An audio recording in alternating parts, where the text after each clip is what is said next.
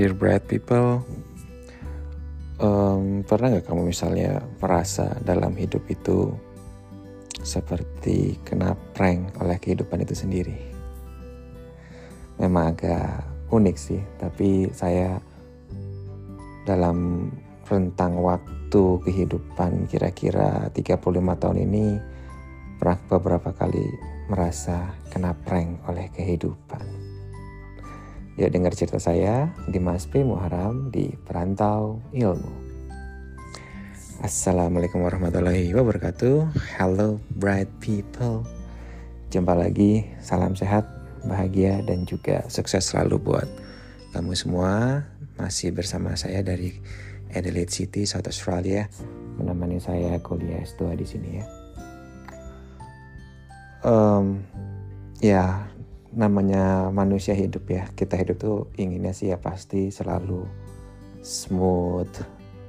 Uh, semuanya berjalan sesuai dengan keinginan atau sesuai dengan rencana. Tapi mari lagi namanya kita itu manusia kita itu makhluk yang kecil yang tidak punya daya apa pun gitu ya banyak hal-hal yang kita tidak mendapatkan apa yang kita inginkan gitu ya um, saya sendiri, saya sendiri itu kan terlahir bukan sebagai seorang penyandang disabilitas, tetapi saya terlahir dengan ya kondisi yang seperti anak lain pada umumnya lah ya gitu. Jadi tidak ada tidak ada hambatan penglihatan atau yang lainnya juga. Namun ketika usia 12 tahun, waktu itu kelas 6 SD, cawu 2, masih pakai sistem cawu tuh, jadi ketahuan banget angkatannya ya.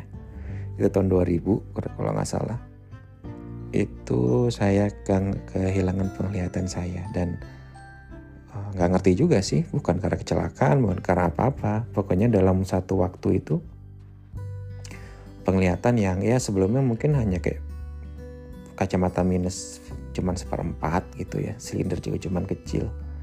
Tapi dalam satu hari itu kayak semacam turun yang tadinya mungkin 98% atau 96% langsung jadi kayak semacam 15% lah gitu dan itu sangat shocking sekali sih. Um, ya awalnya pusing-pusing gitu kan. Di hari terakhir bulan puasa bulan Ramadan waktu itu tahun 2000 bulan sholat Jumat pusing. Lalu karena tanggung dikit lagi buka puasa ya kan. Anak anak kelas 6 SD waktu itu. Ya udah jadi tidur. Bangun tidur itu pusingnya sudah berkurang tapi ngelihatnya langsung jadi buram dan saat itu kalau dipikir lagi mungkin ya apa ya merasa kena prank juga ya sama kehidupan ya. Ya sebelumnya keadaan normal-normal saja biasa-biasa saja. Lalu juga bisa dikatakan saya waktu itu juga sekolah ya. Ya dikatakan pinter-pinter banget juga enggak tapi bodoh juga enggak lah lumayan. Pernah beberapa kali mewakili sekolah juga untuk ikut lomba juga. Dan waktu itu memang persis sih. Nggak lama sebelumnya itu saya habis mewakili sekolah ikut mewakili lomba waktu itu lomba mata pelajaran IPA. Ya meskipun hanya sampai tingkat kota Madia ya, tapi buat saya pribadi yang bukan anak dari keluarga yang berkecukupan, yang tidak pernah ikut les-lesan atau les privat atau apa pun, uh, ya itu udah suatu prestasi yang luar biasa sih buat saya.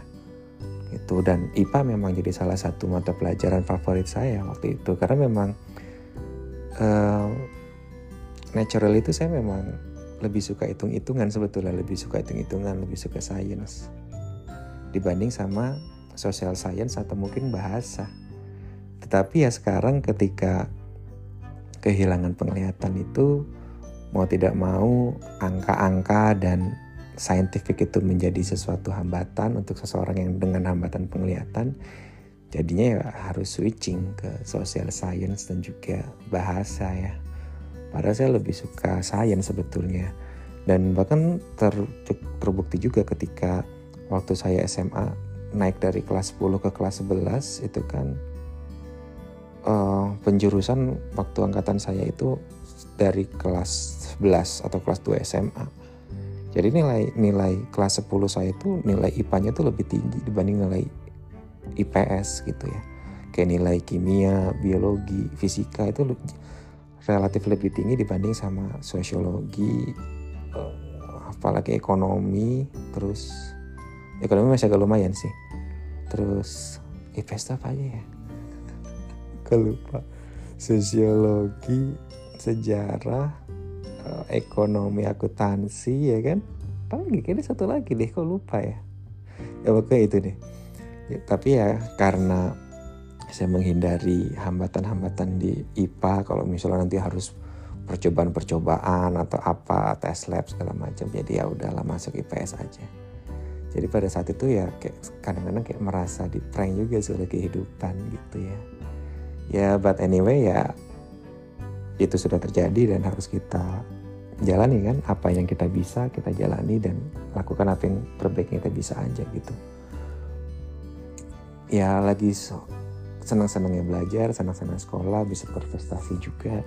Dan waktu itu sempat punya cita-cita juga masuk lanjut ke SMP favorit yang ada di daerah Ragunan waktu itu.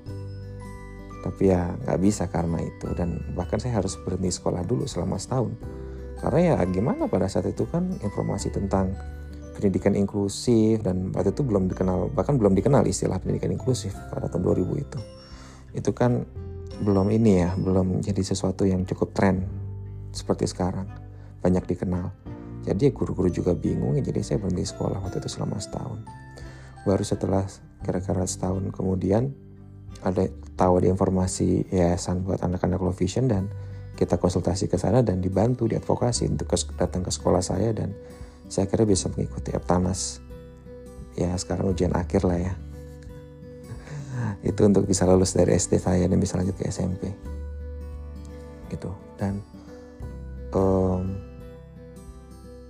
ya bagaimana lagi? Itu kayak semacam di prank dan semua life must go on dan harus berlanjut dengan hal-hal yang harus dikondisikan pada akhirnya. Tapi prank kehidupan tuh kadang-kadang pranknya bukan sesuatu yang negatif aja sih. Kadang-kadang positif juga. Dan setelah dipikir-pikir jadi agak lucu juga gitu. Misalnya seperti sekarang saya alhamdulillah semenjak tahun 2018 ada kesempatan jalur formasi disabilitas untuk CPNS saya ikut iseng waktu itu karena memang ya kesempatan berdisabilitas itu kan tidak banyak ya. Para teman-teman disabilitas itu adalah manusia-manusia yang tidak banyak pilihan dalam hidupnya. Jadi sisi negatifnya ya tadi tidak banyak pilihan tidak bisa banyak opsi tapi sisi positifnya ya kita nggak bisa nggak perlu mikirin hal-hal lain lagi. Kita cukup melakukan apa yang ada di depan hadapan kita saja. Pilihan apa yang ada itu cuma satu-satunya udah itu aja dijalani gitu dicoba aja. Gagal ya udah nggak apa-apa gitu ya. Nah waktu itu uh, ikut SMP itu eh sorry CPNS uh, eh, yang sesuai dengan kualifikasi saya S1 sastra Inggris itu cuma ada satu. Posisi sebagai peneliti di Badan Litbang di Kementerian Pendidikan dan Kebudayaan. Maka saya nggak tahu itu kerja nanti ngapain, peneliti itu ngapain gitu ya. Kantornya di mana pun juga nggak tahu karena waktu itu memang tujuannya hanya pengen coba pengen tahu. Saya seumur umur belum pernah ikut tes CAT CPNS pengen tahu lah gitu kan. Ya udah ikut ikut dan alhamdulillah ternyata lolos gitu. Alhamdulillah ternyata lolos dan saya dari tahun 2018 sampai eh sorry uh, tesnya itu tadi 2017 ya jadi 2018 dipanggil masuk sampai tahun akhir 2031 Desember 2021 saya status saya sebagai pegawai di Kementerian Pendidikan dan Kebudayaan. Baru tas per 1 Januari 2022 saya pindah ke Badan Riset dan Inovasi Nasional. Itu pun juga karena ada perubahan sistem tata kelola iptek ya, peneliti pindah ke sana bukan karena mutasi tapi memang karena ada perubahan struktur dan sistem. Dan saat di Kemdikbud itu ya tadi sekali lagi merasa di prank juga oleh kehidupan gitu ya bahwa dulu saya seorang yang sempat berhenti sekolah gitu ya bahkan mungkin ya kalau mungkin bisa dikatakan mendapatkan perlakuan yang kurang suportif lah ya kurang suportif dari para guru waktu itu karena saya tidak bisa melanjutkan sekolah sempat tidak bisa melanjutkan sekolah selama setahun akhirnya saya masuk ke Kemendikbud sebuah organisasi kementerian yang mengurusi pendidikan gitu loh. Dan banyak berinteraksi dengan guru-guru karena waktu itu unit kerja saya itu mengurusi ujian nasional jadi kita banyak interaksi dengan guru untuk membuat penulis soal dan lain-lain jadi banyak interaksi dengan guru dan mereka itu ya biasalah baik-baikin kita kan. Biar nanti ke depannya dipanggil lagi untuk jadi penulis soal. Dan kadang berpikir tadi aduh sekali lagi diperang nih oleh kehidupan. Dulu saya hampir tidak bisa lanjut sekolah sekarang malah ada di kementerian yang ngurusin pendidikan dan dulu uh, hampir dikecewakan oleh guru dan sekarang guru baik-baikin saya ya itu bukan langsung menjadi saya jadi besar kepala enggak. Tapi ya tadi aja agak lucu aja memang hidup kadang-kadang ngeprank kita. Kondisi yang bisa ber apa bisa berubah 180 derajat kadang-kadang. Seperti itu. Dan bahkan yang dulu saya sempat berhenti sekolah sekarang alhamdulillah bisa melanjutkan kuliah lagi melanjutkan studi S2 saya gitu loh. Bahkan ke luar negeri sesuatu yang tidak pernah terbayangkan pada saat saya di kelas 6 SD berhenti sekolah itu. Yang waktu itu mungkin gak kepikiran lagi gimana untuk bisa lanjut sekolah ya. Dan bahkan orang tua saya juga tidak kepikiran untuk lanjutkan saya ke SLB karena ya tidak tahu informasinya bagaimana caranya dan itu hanya fokus buat berobat saja gitu dan uh, ya nggak nggak pernah kepikiran lah ya karena ya bukan dari keluarga yang berada juga gitu meskipun saya memang hobi baca buku, baca novel, cerita-cerita seperti Andre Hirata gitu kan. Lalu juga novel-novel saduran dari luar negeri yang menggambarkan betapa kerennya kalau kita bisa adventuring, kita bisa sampai menjejakkan kaki kita di luar negeri, di tanah yang berbeda, di masyarakat yang berbeda. Dan itu inspiring banget dan mungkin dari hal-hal itu ya yang akhirnya menuntun langkah saya juga bisa lanjut kuliah ke luar negeri juga gitu. Ya dan itulah prank. Kehidupan kadang-kadang ngeprank kita pada waktu-waktu yang tidak terduga. Dan ini masih jadi bagian dari tantangan 30 hari bersuara tahun 2022 dari The Podcaster Indonesia yang bekerja sama juga dengan komunitas podcaster Netra Indonesia.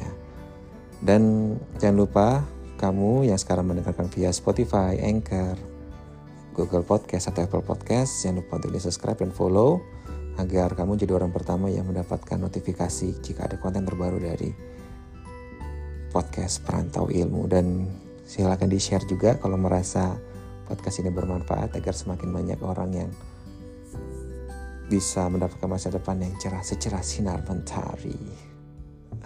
Okay, dia masih signing out. Thank you and see ya.